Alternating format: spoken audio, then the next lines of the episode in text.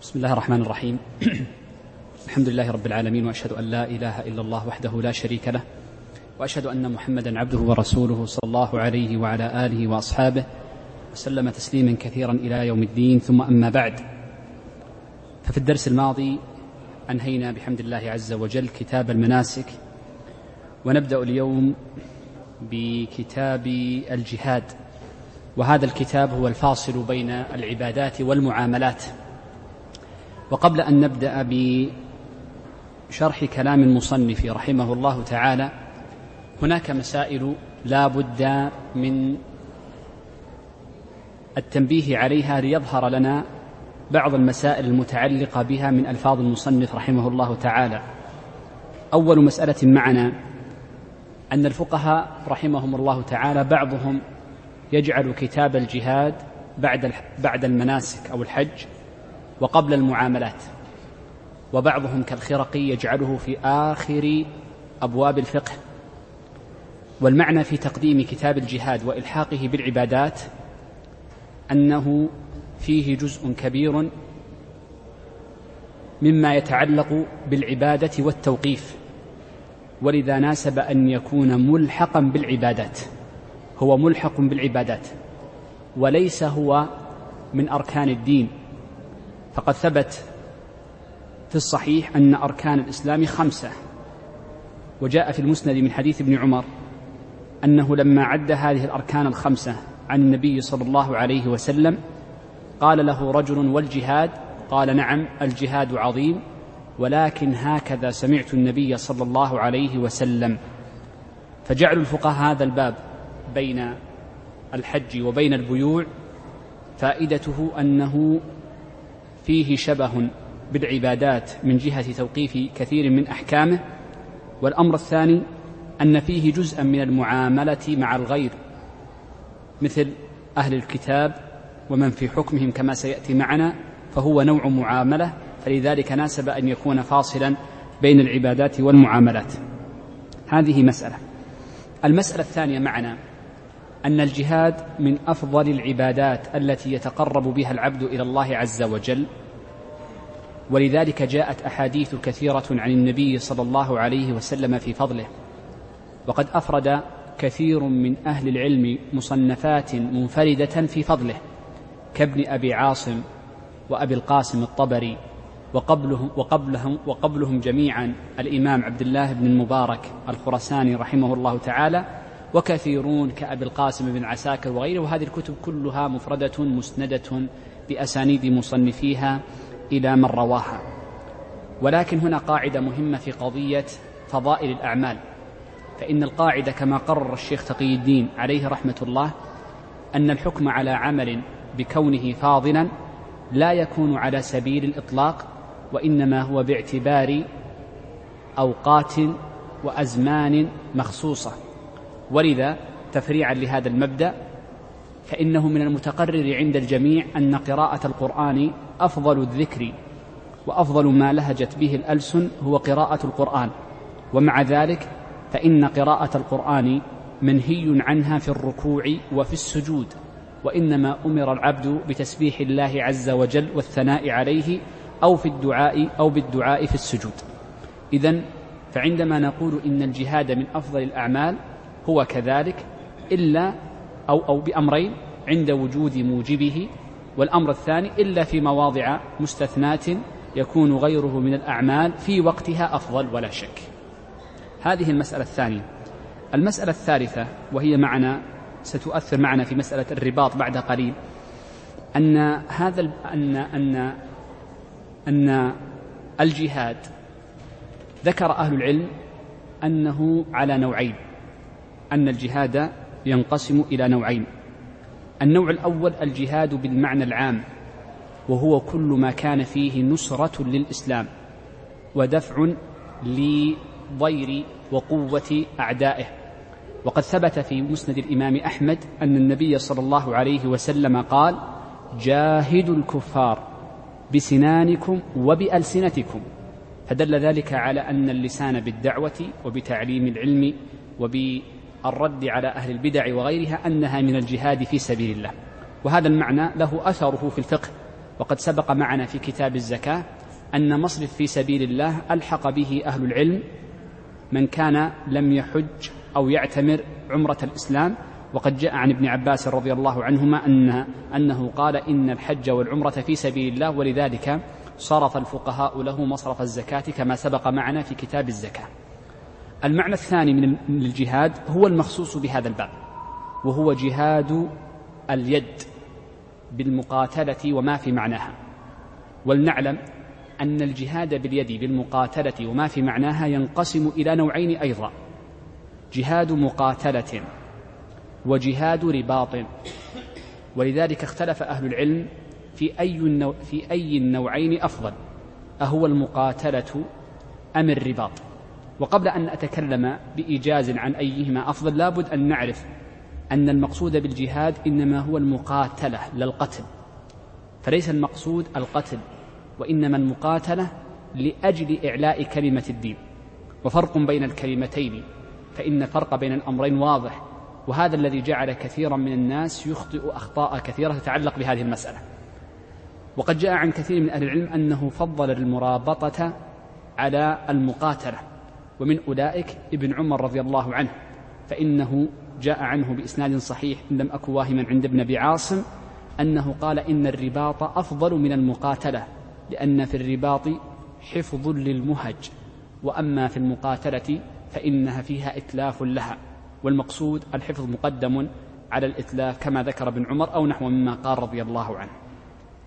المسألة الأخيرة قبل أن نبدأ بكلام المصنف رحمه الله تعالى أن الفقهاء لما ذكروا كتاب الجهاد إنما ذكروا تبعاته وحواشيه ولم يتكلموا عن الجهاد إلا شيئا يسيرا فتكلموا عن تبعاته من الغنيمة والسلب والتنفيل وما في حكم ذلك والغال وما في حكم ذلك والأمور الحواشي الملحقة به كأحكام الخراج وأحكام أهل الذمة والأراضي الخراجية وغير ذلك من الأمور التي لا تعلق لها بذات الجهاد.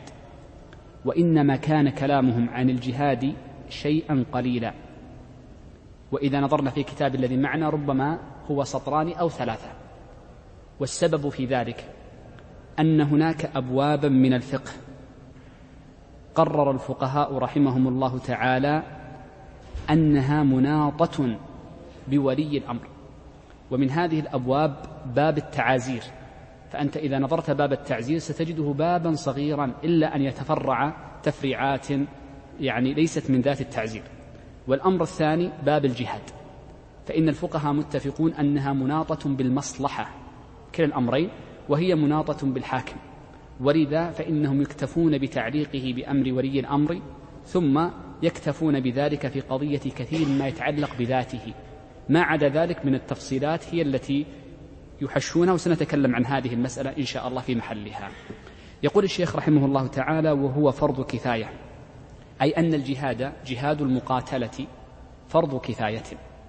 ومعنى قولنا إنه فرض كفاية أي أنه إذا جاءت الحالات التي يسقط فيها الوجوب وسنتكلم عن حالات الوجوب بعد قليل الثلاثة فإنه يكون مندوبا وتطوعا في حق غيرهم وسيأتي حالات الوجوب الثلاث بعد قليل بمشيئة الله عز وجل. وهنا مسألة مهمة ذكرها ابن رجب رحمه الله تعالى.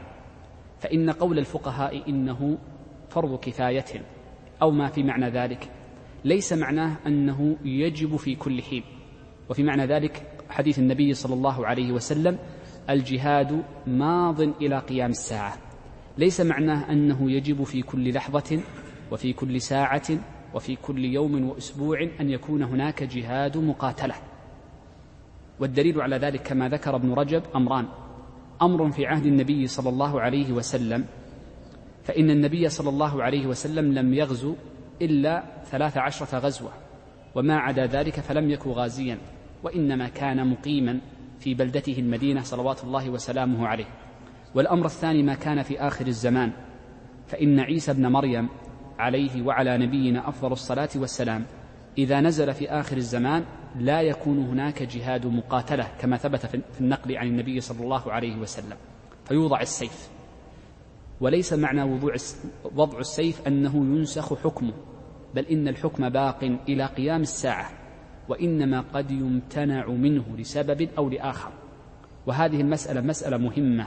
جدا لأن بعض الناس قد يقول إن الحكم أو أن هذه الشعيرة قد تعطلت أو إن هذه الشعيرة لا وجود لها. نقول لا الحكم باق إلى قيام الساعة إلا قول أهل البدع الذين يقولون وهذه بدعة لم تحدث إلا من نحو مئتي سنة أو أقل الذين قالوا إن الجهاد قد نسخ ولا يشرع الجهاد وليس كذلك.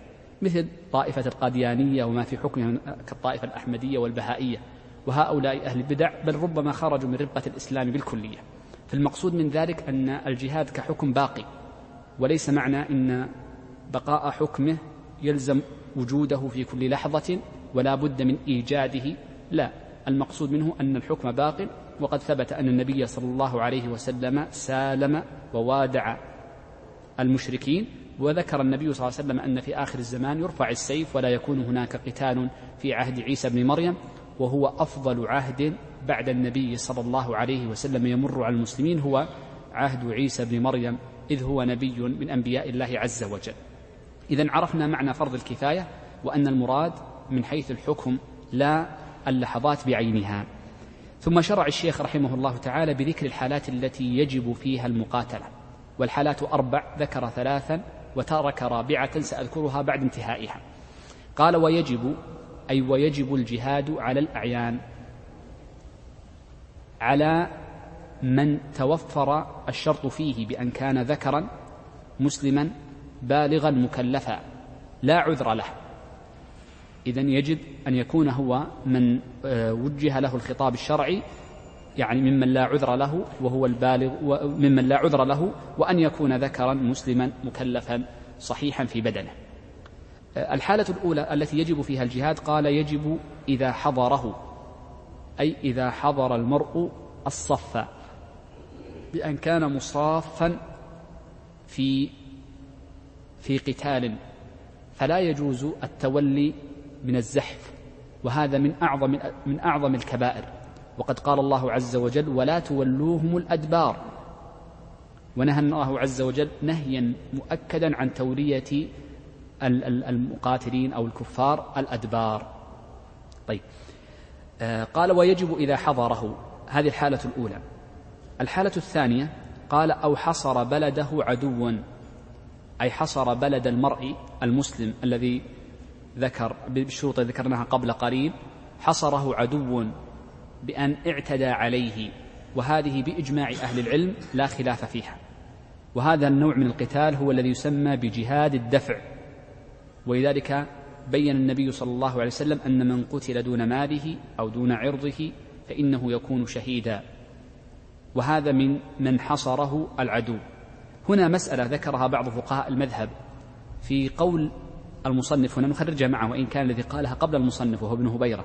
في قوله أو حصر عدوه أو حصر بلده عدو أن هذا العدو الذي يشرع قتاله ويكون قتاله من الجهاد في سبيل الله على نوعين. قد يكون العدو كافرا وقد يكون العدو مسلما. قد يكون كافرا وقد يكون مسلما. إذ يعجب المرء هل يكون قتال مسلم من الجهاد في سبيل الله؟ نقول نعم. وقد جاء النص بذلك. فإنه قد ثبت عند ابن أبي عاصم بإسناد صحيح أن النبي صلى الله عليه وسلم أمر بمقاتلة من خرج على المسلمين.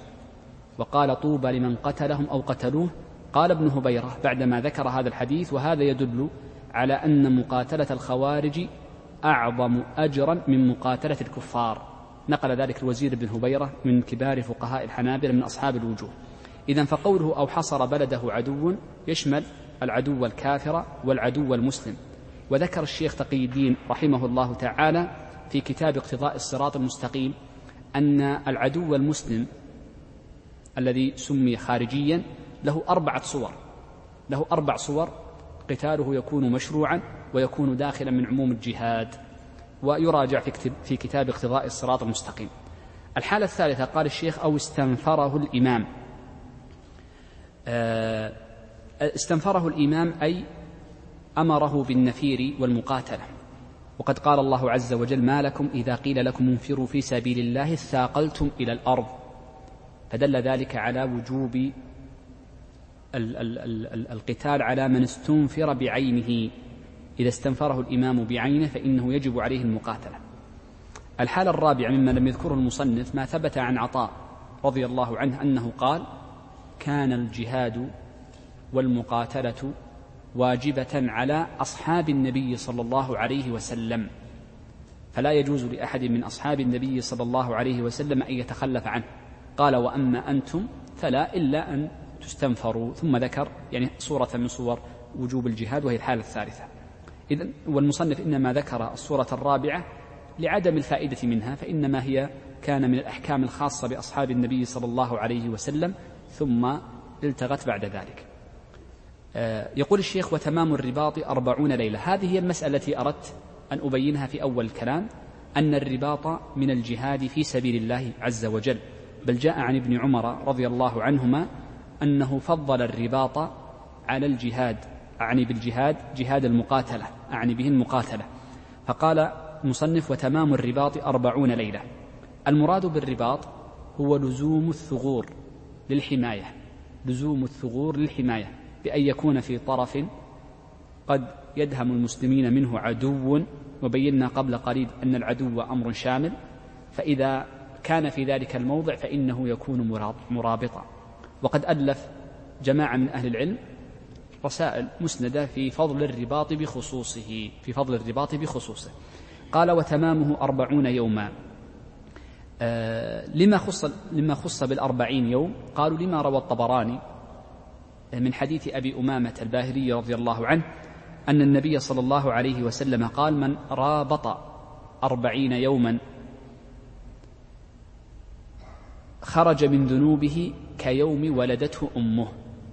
كذا رواه الطبراني في المعجم الكبير وفي أظن رسالته في فضل الجهاد والمرابطة في سبيل الله عز وجل. آه طيب. قال وإذا كان أبواه مسلمين لم يجاهد تطوعا إلا بإذنهما. هذه يعني تفريع على قضية التفريق بين فرض الكفاية وفرض العين. فإنه إذا لم يكن الجهاد فرض عين في الحالات الثلاث السابقة فإنه يكون فرض كفاية. إذا وجد موجبه لابد من التقييد بهذا القيد. ولكن ذكر المصنف رحمه الله تعالى مثالا من الأعذار التي سبق أن قيدتها لكم لما قلت ويجب إذا حضره أي ويجب على من لا عذر له. من هذه الأعذار أن يكون والداه حيين. ولا يجوز لمن كان والداه حيين أن يخرج في جهاد من دون إذنهما. لما ثبت عن النبي صلى الله عليه وسلم لما جاءه رجل قد اكتتب في غزوة وقد ترك والديه يبكيان قال ارجع ففيهما فجاهد فدل ذلك على لزوم إذنهما. قال وإذا كان أبواه مسلمين يخرج من ذلك غير المسلمين وهم الكفار فإنهم لا يعتبر إذنهم وإنما مأمور بالإحسان بهم. لم يجاهد تطوعا إلا بإذنهما إلا برضاهما وإذنهما والإذن آه، معروف معناه.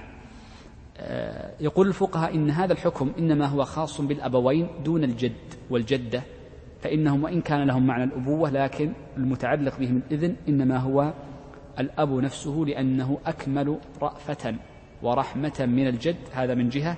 والأمر الثاني لأن الأب له حق أعظم من حق جده. ولذلك فإنه على مشهور المذهب أن الوصية يقدم على الجد في الولاية ولاية النكاح. نعم. يقول الشيخ ويتفقد الإمام جيشه عند المسير. بدأ في ذكر ما يفعله الإمام والجيش. وهذه من الحواشي التي لا تتعلق بالجهاد نفسه وإنما ببعض الأحكام المتعلقة به من باب الأدب. فقال يتفقد جيشه عند المسير بأن ينظر فيهم وينظر الأصلح وغير ذلك من الأمور المبنية على السياسة الشرعية. قال ويمنع المخذل والمرجف. المخذل هو الذي يمنع الناس من القتال ويخوفهم منه والمرجف هو الذي يخوفهم من عدوهم. والمعنى فيهما ربما يكون متقاربا. يقول الشيخ وله أن ينفل في بدايته الربع أي فأقل بعد الخمس. آه الغنائم التي يغنمها لنأخذ قاعدة في هذه المسألة مهمة. بدأ الشيخ بذكر أحكام الغنيمة وما يتعلق بها من من التنفيذ والسلب وغير ذلك. إذا غنم المسلمون غنيمة إذا غنم المسلمون غنيمة بعد الحرب في دار حرب لأن الغنيمة نوعان. إن كانت من حربي في دار حرب فإنها تسمى غنيمة. وإن كانت في قتال مع غير حربي فإنها لا تسمى غنيمة. ما ما ما ما يعني ما يعني يجوز كسبها ولا ملكها. ما تملك الأموال إلا من باب التعزير بالمال وهذه مسألة أخرى. وإنما تكون الغنيمة كما سنتكلم عنه بعد قليل ما أخذ من مال حربي فقط. لأن القتال قد يكون مع حربي وقد يكون مع غيره كما سبق وذكره الفقهاء رحمه الله تعالى وسيأتي إن شاء الله إشارة له. إذا آه، إذا قاتل المسلمون كفارا فإن عقدهم معه عقد جعالة. بمعنى أنهم إذا غنموا استحقوا أربعة أخماس الغنيمة. المقاتلون يستحقون أربعة أخماس الغنيمة. وأما الخمس فإنه يكون لله ولرسوله وللمصالح سنذكرها بعد قليل إذا حينما يكسبون غنيمة فإنها تكون مقسومة بين الغانمين جميعا تقسم بينهم. وهذا العقد هو الحقيقة صورة من صور الجعالة فكأنهم يقولون إذا فزتم فلكم الغنيمة. فقد يفوزون ويغلبون وقد لا يغلبون. فهو صورة من صور الجعالة. هذه الجعالة نص الله عز وجل على تقسيمها وجاءت السنة ببيانه كما سيأتي. لكن جوز لولي الأمر بخصوصه أن يغير في هذه الغنيمة فينفل. بمعنى الغنيمة قلنا خمس سنأتي عن الحديث عنه. أربعة أقسام أربعة أخماس تقسم بين المسلمين. الغانمين جميعا. يجوز له أن ينفل بأن يعطي البعض الربع فأقل أي الربع من أربعة الأخماس فأقل إذا كان في البداية. وإذا كان في الرجعة حينما يرجعون من القفول فله أن ينفذ الثلث من هذه الأربعة أخمس فليس له الحق من باب السياسة الشرعية إلا أن ينفذ الربع والثلث فقط. الربع والثلث فقط. وما عدا ذلك فإنه يلزم قسمته بين المسلمين. فإنه يلزم قسمته بين المسلمين. وهذا مصداق ما ذكره الفقهاء رحمه الله تعالى أن أغلب أحكام الجهاد أغلبها مبنية على النظر لولي الأمر. ومنها التنفيذ فإن له الحق أن ينفذ بعض الغازين أو غيرهم هذه الأمور. طيب انظر هنا. نحن قلنا إن العقد عقد جعالة وذكرنا. لكن إن كان المقاتلون يأخذون أجرة إن كانوا يأخذون أجرة براتب وما في معناه فإن العقد عقد إجارة. فلا يستحقون من الغنيمة شيئا. وإنما تكون الغنيمة لبيت مال المسلمين كاملا لأنهم إنما يعني عقد معهم كان عقد إجارة لا عقد جعالة لا عقد جعالة. واضح هذه المسألة أرجو. طيب. إذا يقول وله أن ينفل أي ولي, ولي الأمير أو الإمام أن ينفل بمعنى أنه يعطي بعض الناس هذا معنى ينفل يعني يعطيه فوق قسمه في بدايته أي في بداية القتال الربع. فأقل وليس له أن يزيد بعد الخمس. يعطي الربع بعد إخراج الخمس فيكون ربع أربعة الأخماس. الغنيمة يخرج خمسها بقي أربعة الأخماس فله أن ينفل الربع منها فأقل الذي هو في الحقيقة خمس لأن ربع أربعة الأخماس خمس. فينفل هذا الأمر فأقل.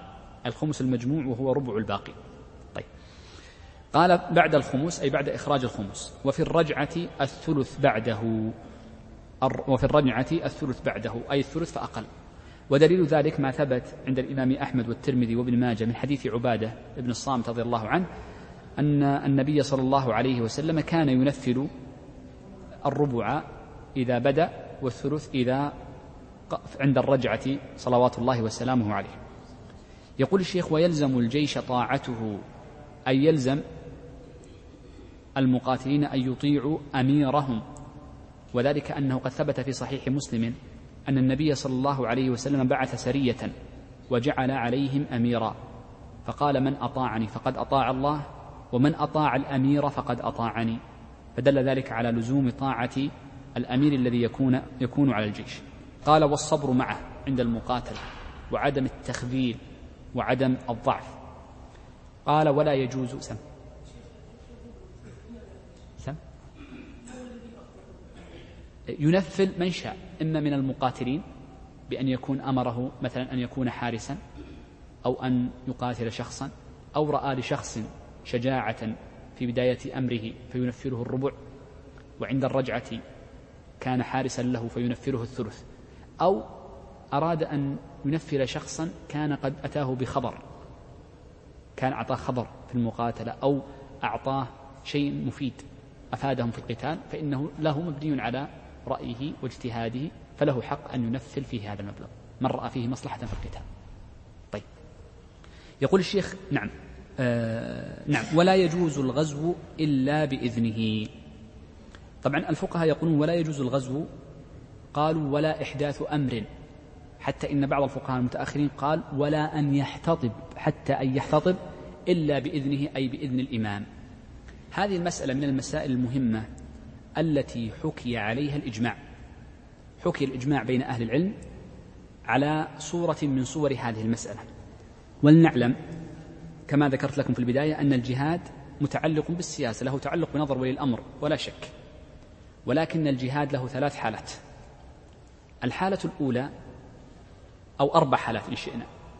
الحالة الأولى نأتي ثلاثة أو أربعة ما أدري كم. الحالة الأولى أن يأمر به الإمام وهذا هو الاستنفار. فيجب طاعته والذهاب معه. هذه الحالة الأولى. فيجب طاعته في الأمر.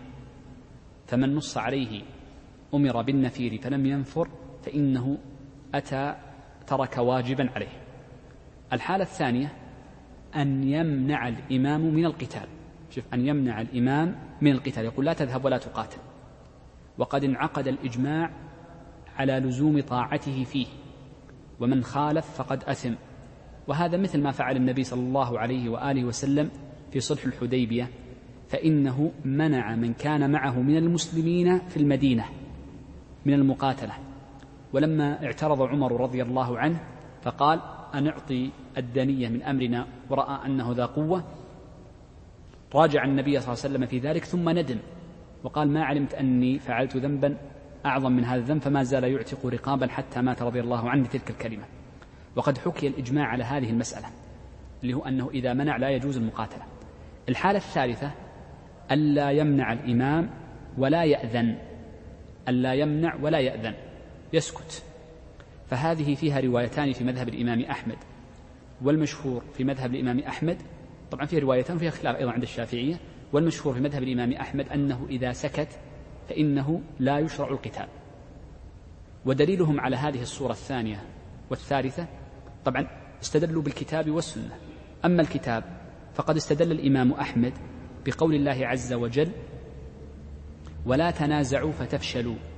فذكر إسحاق بن إبراهيم بن هانة في رسائل في مسائله المطبوعة أنه سئل عن الرجل يغزو بلا إمام قال لا يعجبني لا يعجبني. وهذه اللفظة محمولة عند الأصحاب على التحريم في هذا الموضع. قال لأن الله عز وجل قال ولا تنازعوا فتفشلوا. وإذا غزوا بغير إذنه تنازعوا ففشلوا. ولذلك أخذ منها الفقهاء الرواية ذكرت لكم المتأخرين أنه لا يشرع حتى وإن لم يأذن ولو بإذن ضمني. هذا واحد. أيضا استدلوا بأحاديث رويت عن النبي صلى الله عليه وسلم ولكنها قد تكون فيها معنى أن الجهاد أمره موكل إلى الإمام وجاء عن الحسن البصري في معنى ذلك وهي أحاديث جمعت في الباب لكن معناها ما جاء عن الحسن مرسلا وجاء وروي مرفوعا. النبي صلى الله عليه وسلم قال يعني قاتلوا مع كل بر وفاجر فقالوا إذا هو ملحق به. وجاء عن الحسن أنه قال الجهاد كذا موكل إلى الإمام ونسيت لفظ الحديث. طيب. آه إذا عرفنا الآن قوله ولا يجوز الغزو إلا بإذنه وملحق بالغزو إحداث أمر حال الغزو. قال إلا أن يفاجئهم عدو يخافون كلبه. يفاجئهم أي يخرج عليهم بغتة ويطلع فجأة. ويخافون كلبه أي يخافون أذاه وشره. فإذا كان مثل هذه الحالة فإنهم يقاتلون فيكون من النوع الذي سبق ذكره قبل وهو من قتال الدفع مقاتلة الدفع. نعم. ثم شرع الشيخ رحمه الله تعالى بعد ذلك في مسائل الغنيمة فقال وتملك الغنيمة والمراد بالغنيمة ما أخذ من مال حربي. إذا الشرط الأول ما أخذ من مال حربي. قهرا بقتال قهرا وليس صلحا. وإنما قهرا بقتال. قالوا وما ألحق به من أرض وما في حكمها. قول الشيخ وتملك الغنيمة بالاستيلاء عليها في دار الحرب. هذه الجملة معناها ماذا؟ أنه إذا استولى المسلمون على غنيمة من كفار لأن الغنيمة لا تكون إلا من كفار فإنها تملك. ويترتب عليها سائر ما يتعلق بالملك من إعتاق ومن جواز وطء بعد بعد استبراء ومن سائر التصرفات التي تجوز. وبناء على ذلك فإن من أخذ شيئا من الغنيمة قبل قسمها فإنها فإنه لا تقطع يده. والسبب قالوا لأن آه، له لأن له حقا في هذه الغنيمة فيكون حكمه حكم الغال فلا يقطع وإن كانت هي كبيرة من كبائر الذنوب لأن له فيها معنى الملك. نعم. يقول الشيخ وهي لمن شهد الوقعة من أهل القتال. طبعا آه، قوله وهي أي يعني الغنيمة لمن شهد الوقعة من أهل القتال دون من عداهم ممن لم يشهد. ودليل ذلك أن النبي صلى الله عليه وسلم إنما قسم الغنائم في بدر وغيرها من المواقع بين المقاتلين ولم يثبت أنه قسم لأحد إلا لعثمان رضي الله عنه. وقد ثبت عن ابن عمر رضي الله عنه لما ذكر قصة تخلف عثمان مع, زو مع بنت النبي صلى الله عليه وسلم وهي زوج عثمان قال فقسم له النبي أو فضرب له النبي صلى الله عليه وسلم بسهم ولم يضرب لأحد غيره. فدل ذلك على أنه لا يعطى تعطى الغنيمة وتقسم وهي أربعة الأخماس وهي أربعة الأخماس إن لم يكن فيها تنفيذ فلا تقسم إلا لمن كان شهد ألو... ش... لمن شهد الواقعة دون من عداه. وقوله من أهل القتال أي ممن يقاتل دون غيرهم ممن حضرها هكذا من غير قتال. أو حضرها من غير إذن إمام. فلو منع شخص وحضرها من غير إذن إمام يقولون لا يعطى من الغنيمة لأن حضوره من غير إذن وهكذا. طيب. يقول فيخرج الخمس. طبعا أيضا قوله وهي لمن؟ لمن؟ تشمل المسلم والكافر. فلو أن كافرا حضر قتال قتالا بإذن من ولي الأمر فنص فقهاء الحنابلة أنه يعطى مثل ما يعطى غيره من المقاتلين سواسية سواء كان راجلا أو فارسا وسيأتي بعد قليل. قال فيخرج الخمس. إذا الغنيمة أول ما يبدأ بها يخرج الخمس. وقد قال الله عز وجل في سورة الأنفال واعلموا أن ما غنمتم من شيء فأن لله خمسه وللرسول. ولذي القربى واليتامى والمساكين. فنبدأ بأول الخمس الخمس الخمس يقسم إلى خمسة أخماس. الأول الخمس الأول لله ولرسوله. ومعنى لله ولرسوله هذه الإضافة إضافة تشريف. فهي تصرف مصرف الفيء لمصالح المسلمين عامة. هذا الخمس خمس الخمس. والخمس الثاني من الخمس الأول الذي هو لله ولرسوله الذي يخمس لله ورسوله ولليت... للفق... اعلموا أن ما غنمتم من شيء فأن لله خمسه وللرسول ولذي القربى فيعطى لذي القربى وهم قرابة النبي صلى الله عليه وآله وسلم وهم بنو هاشم وهم بنو هاشم. آه ثم الخمس الثالث يكون بعد القربى يكون للفقراء فيعطى الفقراء كما يعطى يعطون في الزكاة يعطون هنا أيضا. والخمس الرابع من الخمس الكامل يكون للمساكين والخمس السادس يكون لابن السبيل لليتامى والمساكين ثم يكون بعد للفقراء والمساكين ثم يعطى اليتامى ثم يعطى الخمس الخامس لابن السبيل. طيب. قال فيخرج الخمس ثم يقسم باقي الغنيمة. قلنا إن باقي الغنيمة وهي أربعة أخماس إن كان فيها تنفيل فيخرج قبل القسم وإن لم يكن فيها تنفيل فإنها تقسم كاملة. قال ثم يقسم باقي الغنيمة للراجل سهم وللفارس ثلاثة. الفقهاء لما ذكروا الراجل هنا قالوا يشمل كما ذكر صاحب منتهى الإرادات قال ولو كافرا إذا خرج بإذن فإنه يعطى سهم إذا خرج بإذن. طبعا قلنا كما سبق ما لم يكن المقاتلون أجراء أخذوا أجرة سواء كانوا مسلمين أو غيرهم. قال وللفارس ثلاثة أي ثلاثة أسهم سهم له وسهمان لفرسه. وذلك لما ثبت في الصحيحين من حديث ابن عمر رضي الله عنه أنه قال إن النبي صلى الله عليه وسلم أسهم للراجل للراجل للراجل سهما وأعطى للفارس ثلاثة أسهم لفرسه سهمان وله سهم. وهذا قضاء النبي صلى الله عليه وسلم كما في الصحيحين. يقول ويشارك الجيش سراياه فيما غنمت ويشاركونه فيما غنم. هذا الحد هذه الجملة معناها أن الجيش الذي لم يحضر القتال ربما كان متأخرا في موضع بعيد أو كان في حراسة لكنهم كلهم جيش واحد. فبعضهم حضر قتالا وبعضهم لم يحضره فإنهم يتشاركون في الغنيمة. إذا ليست الغنيمة لمن حضر ذلك القتال نفسه وإنما الغنيمة تكون لجميع المقاتلين.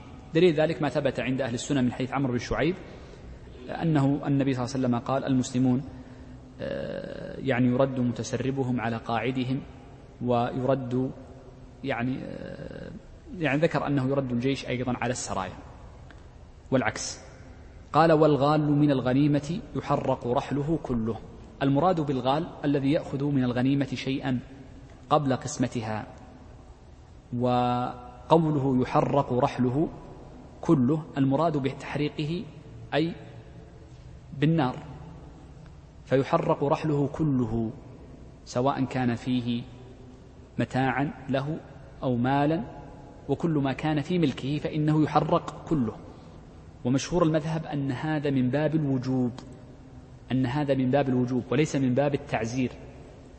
نعم في رواية المذهب أنها من باب التعزير فيكون النظر للإمام في فعله وتركه. ولكن المذهب أنه من باب الوجوب يجب أن يحرق رحله. إلا ما فيه منفعة. يعني أو أو محترم.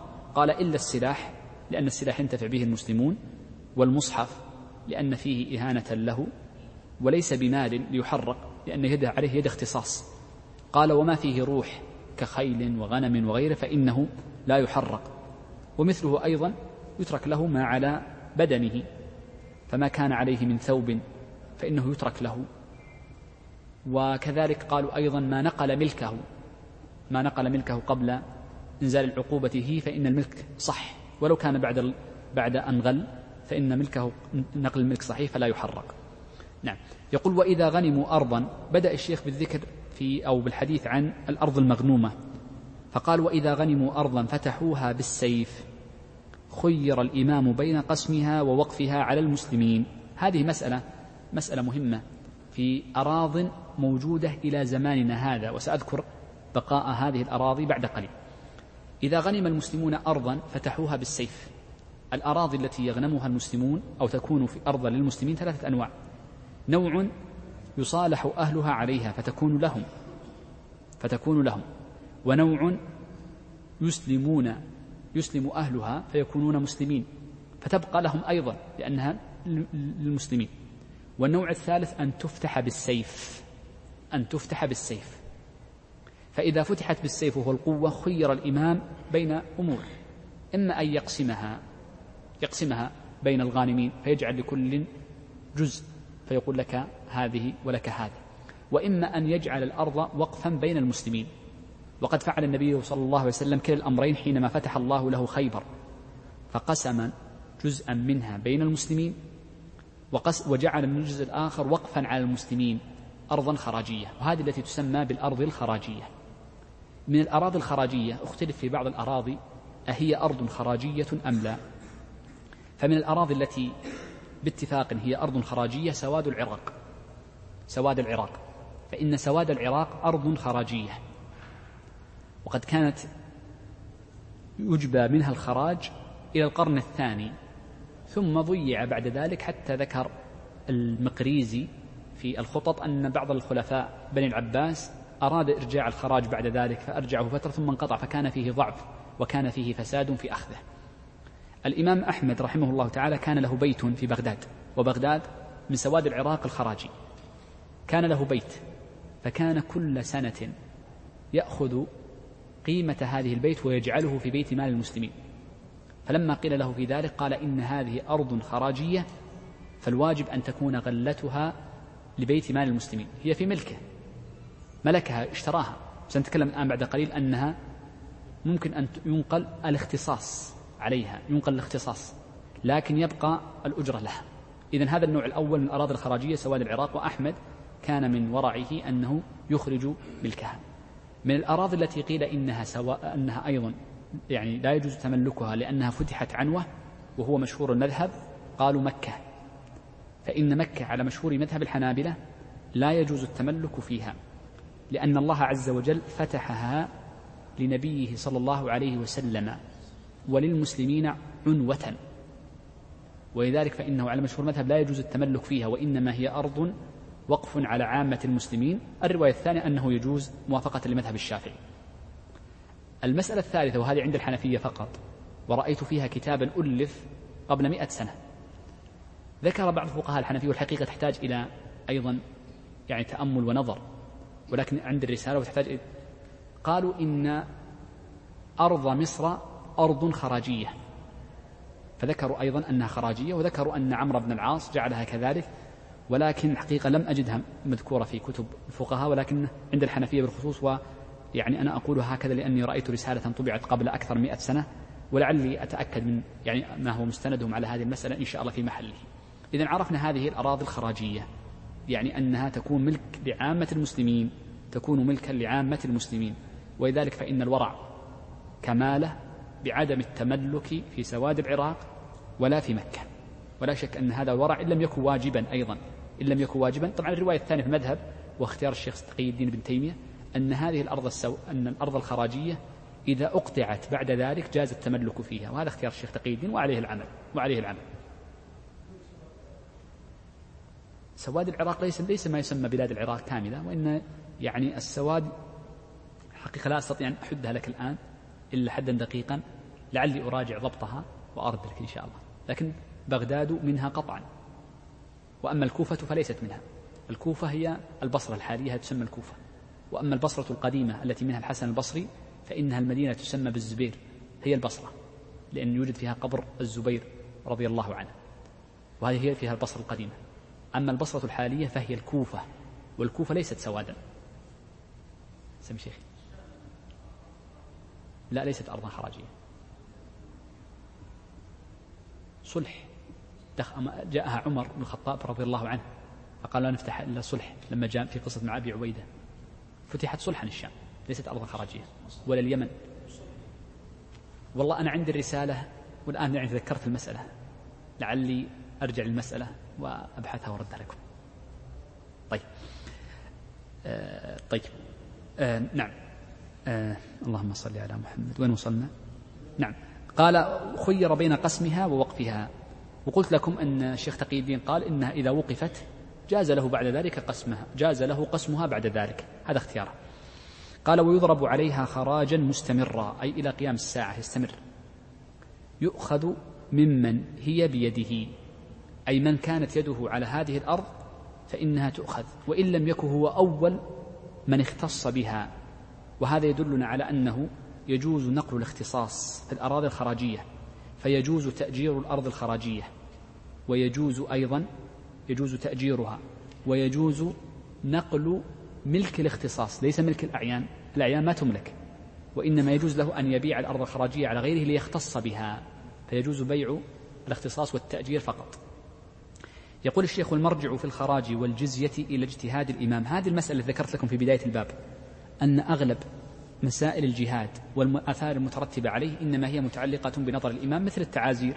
فإن التعازير نظره عفوا وإثباتا وتقديرا وغير ذلك من المسائل نظره إلى الإمام بخلاف الحدود. وهذه مردها لمسألة مهمة أن ما كان من باب الوسائل فإن نظره للإمام. وما كان من باب المقاصد فإنه يلزم الإمام فعله. وهذه القاعدة ذكر الشيخ تقي الدين أن ما كان من باب الوسائل فإنما يوكل نظره إلى الإمام فالتعازير وسائل الحدود مقاصد لا يجوز لأحد أن ينفيها. ما كان من المقاصد من الجهاد حفظ مثل الصور الثلاث فإنه يجب مطلقا. ما زاد عن ذلك فهو نفل فيكون نظره لولي الأمر. هذه القاعدة كما ذكرت لكم أو المرد التخريج لأصلها يكون يعني ذكر الشيخ تقي الدين نعم قال والمرجع في الخراج والجزية إلى اجتهاد الإمام. يعني في الخراج في تقدير الخراج كم يدفع وفي تقدير الجزية كم مقدارها إلى اجتهاد الإمام. قال ومن عجز عن عمارة أرضه أي الخراجية أجبر على إجارتها. يجب عليه أن يؤجرها لغيره لأن المقصود نفع المسلمين أو رفع يده عنها. وبذلك قضى عمر رضي الله عنه. قال ويجري فيها الميراث لأن الميراث يجري في سائر الحقوق سواء كانت أموالا أو حقوقا مطلقة ومنها حقوق الاختصاص والأراضي الخراجية من باب الاختصاص.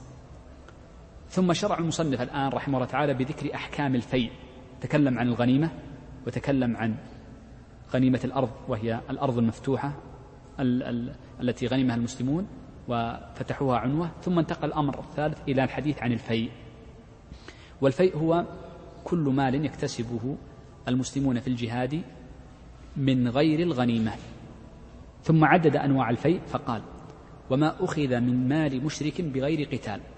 إذا كل ما أخذ من مال مشرك بغير قتال فإنه يسمى فيئا.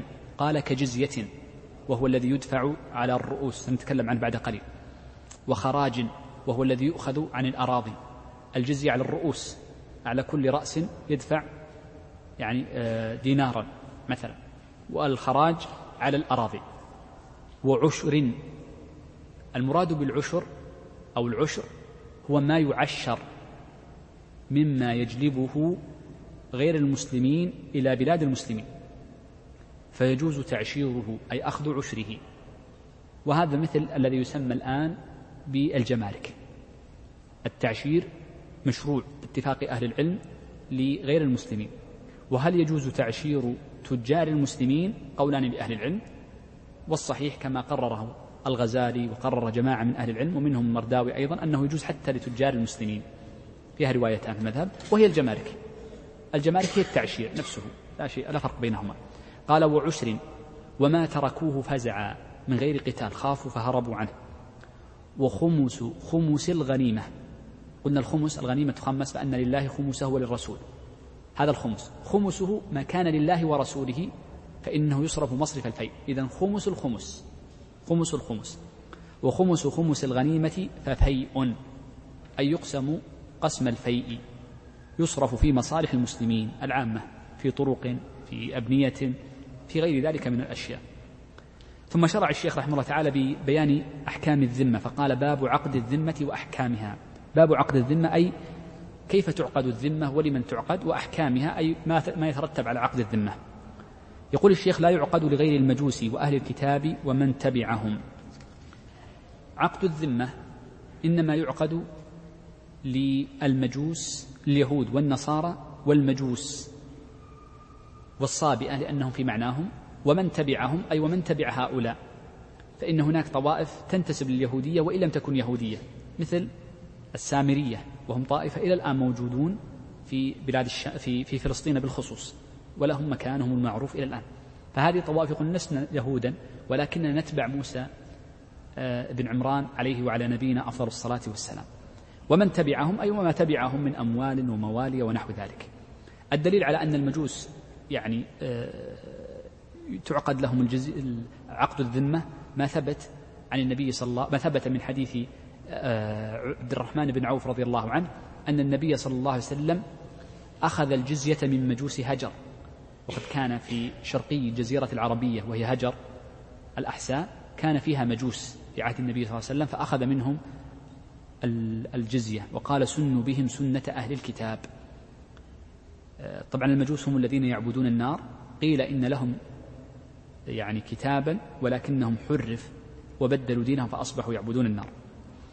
قال وأهل الكتابين المراد بهم أهل اليهود والنصارى ومن تبعهم أي في حكمهم. ولا يعقدها إلا إمام ونائبه.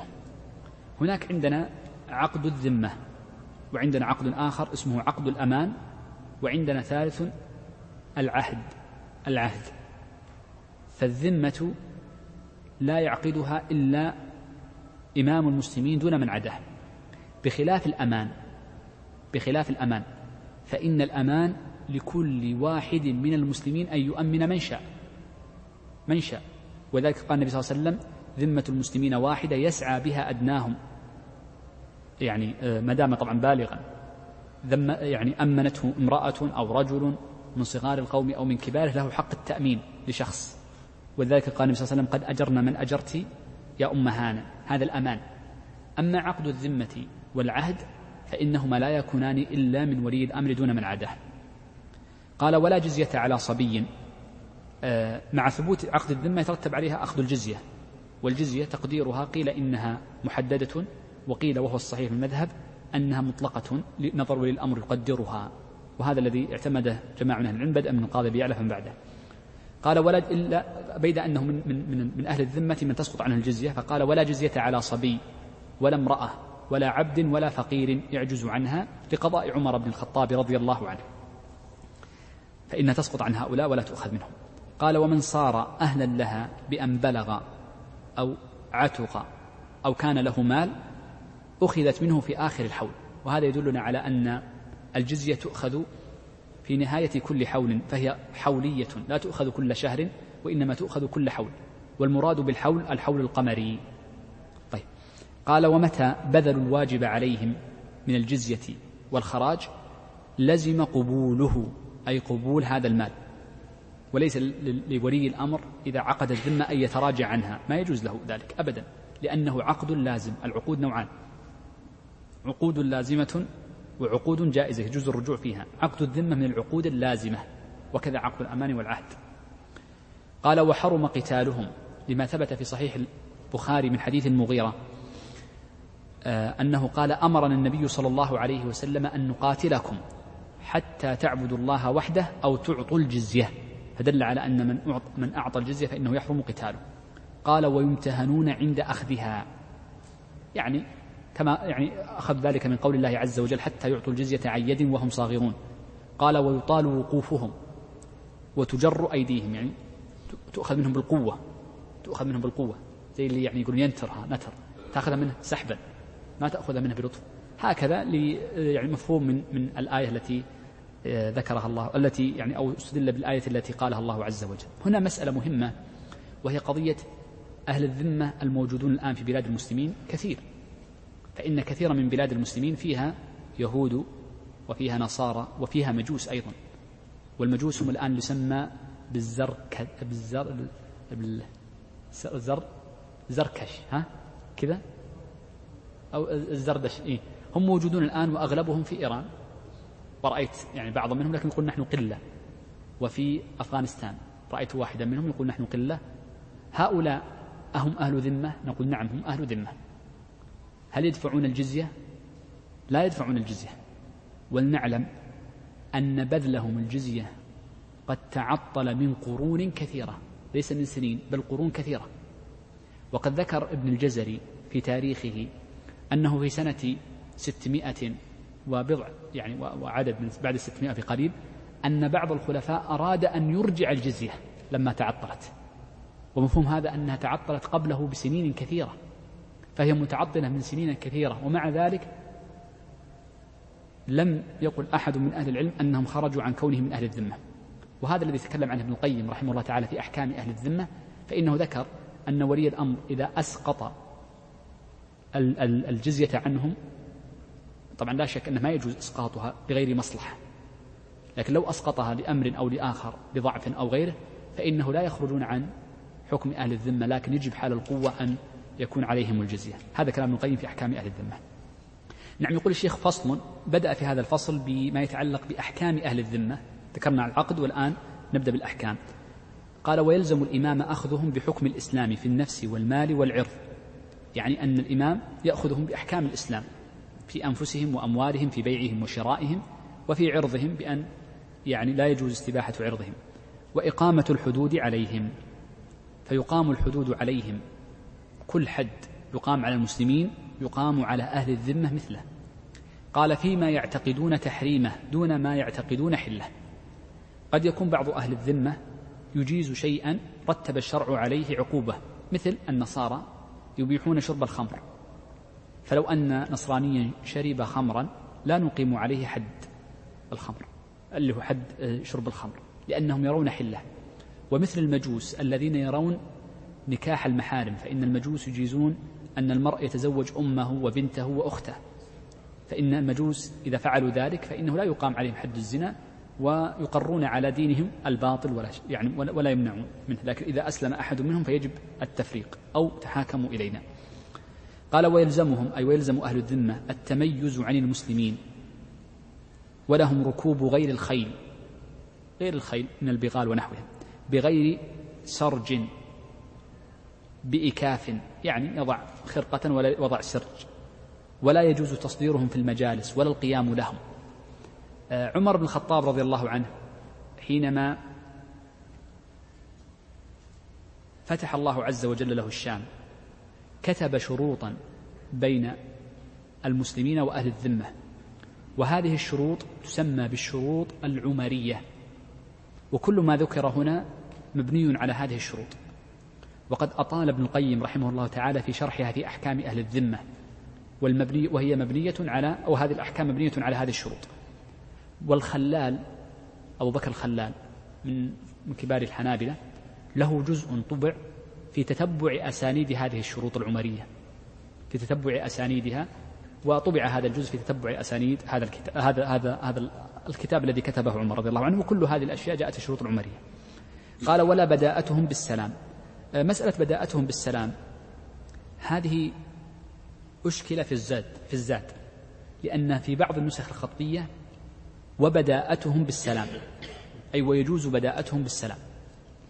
وبعض النسخ ولا بداءتهم بالسلام.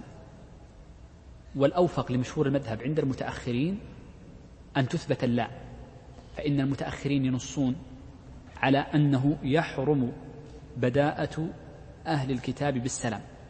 لما ثبت عن النبي صلى الله عليه وسلم كما ثبت في صحيح مسلم أنه قال لا تبدأ اليهود والنصارى بالسلام لا تبدأوهم. ولذلك قالوا إن هذا الحديث محمول على التحريم.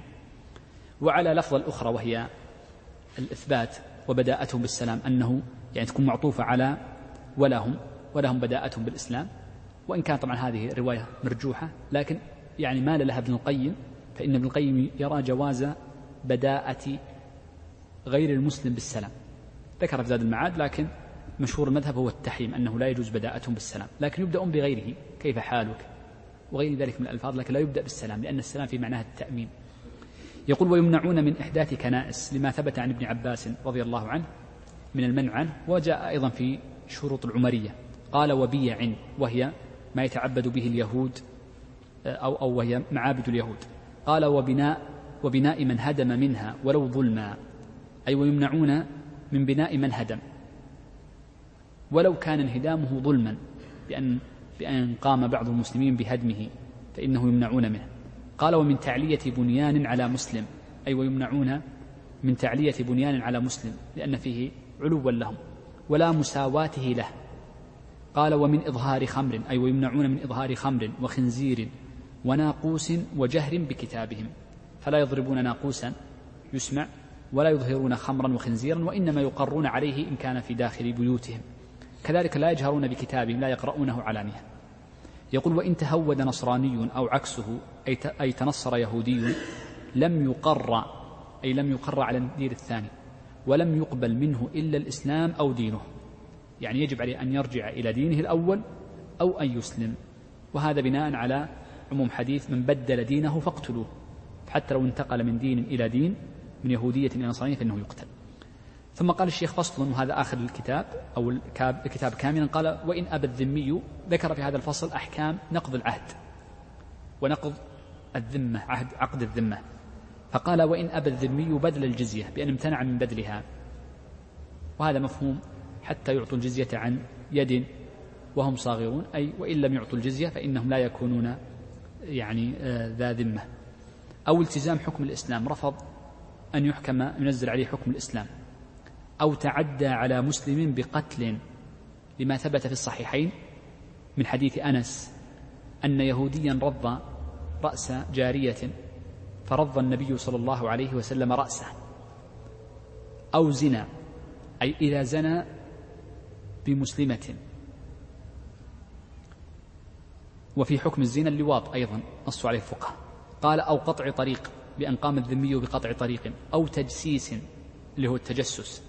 أو إيواء جاسوس لأنه من مما لم يعني أن خالف ما, عهدنا ما عاقدناه عليه. قال أو ذكر الله ورسوله أو كتابه بسوء. الذمي إذا سب الله جل وعلا أو رسوله صلى الله عليه وسلم أو استنقص القرآن بسوء فإنه ينتقض عهده ويلزم قتله. وذلك لقول الله عز وجل وإن نكثوا أيمانهم من بعد من بعد عهدهم وطعنوا في دينكم فقاتلوا أئمة الكفر إنهم لا أيمان لهم. وألف الشيخ تقي الدين كتابا في ثلاث مجلدات في تقرير هذا الأصل وهو أن الذمية إذا سب الله ورسوله أو كتاب الله عز وجل فإنه ينتقض عهده ولا تقبل توبته. والكتاب اسمه الصارم المسلول لشاتم الرسول. قال انتقض عهده دون نسائه وأولاده. أما نساؤه وأولاده ما داموا لم يفعلوا شيئا من ذلك فإنهم يبقون على العهد عهد الذمة. قال وحل دمه وماله جاز قتله و وأما وقلت لكم الشيخ تقي يقول يجب قتله وأما ماله فإنه يؤخذ ويكون فيئا للمسلمين. بذلك نكون بحمد الله عز وجل انتهينا من كتاب الجهاد كاملا اليوم وإن شاء الله الأسبوع القادم نبدأ بكتاب البيع عاننا الله جميعا عليه.